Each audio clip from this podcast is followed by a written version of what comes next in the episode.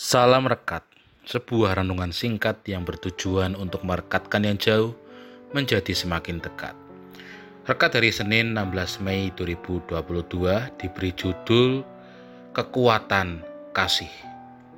Rekat dari ini dilandasi firman Tuhan dari 1 Samuel 20 ayat 1 sampai 23 dilanjut ayat 35 sampai 42. Nadzari ini diambil dari ayat 3.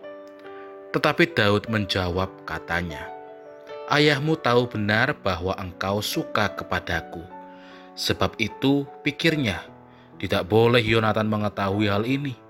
Nanti ia bersusah hati.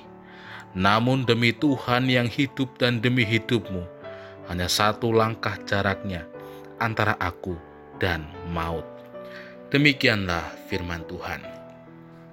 Saudara yang terkasih, kita tentu pernah mendengar peribahasa yang mengatakan, "Karena nila setitik rusak susu sebelanga." Peribahasa ini memiliki arti bahwa ternyata dari satu kesalahan itu dapat menyebabkan semuanya menjadi salah. Kalau kita melihat di dalam firman Tuhan saat ini yang menceritakan tentang bagaimana Daud mengungkapkan kegelisahannya karena ia dikejar-kejar oleh Saul, ayah dari Yonatan. Tentu kalau kita melihat hubungan antara Daud dan Saul sebelumnya itu tidak ada masalah.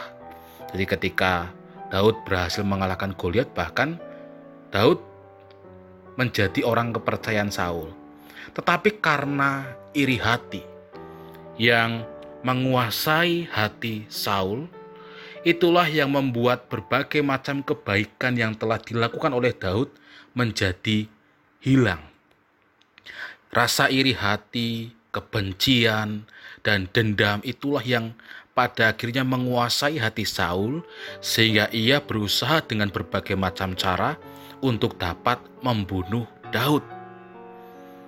Nah, tetapi Bapak, Ibu, dan saudara terkasih di dalam Tuhan, Melalui firman Tuhan saat ini kita pun dapat melihat memang di satu sisi ketika perasaan dendam dan iri hati menguasai hati kita dapat merusak berbagai macam hal baik yang telah dilihat. Tetapi tidak dengan kekuatan kasih. Seperti itulah yang diperlihatkan dari bagaimana Daud dan juga Yonatan. Melalui perikop ini kita pun dapat melihat bahwa kasih yang sejati antara Yonatan dan Daud ternyata tidak terbatas antara ruang, waktu, dan tempat. Bahkan tidak terbatas pada ikatan darah. Karena apa? Karena kasih yang terjadi antara Daud dan Yonatan itu dilandasi karena Tuhan hadir di tengah-tengah ikatan kasih persahabatan antara Daud dan Yonatan. Sehingga meskipun orang tuanya dari Yonatan tidak suka dengan Daud, tetapi karena kasih persaudaraan yang terjadi antara kedua belah pihak itu, maka Daud dan Yonatan tetap hidup dalam kasih. Bapak, Ibu, dan saudara terkasih di dalam Tuhan, melalui firman Tuhan saat ini kita bisa belajar dari bagaimana kita dapat mengelola hati kita, supaya hati kita itu justru tidak dipimpin oleh rasa iri hati, dendam, dan juga sakit hati.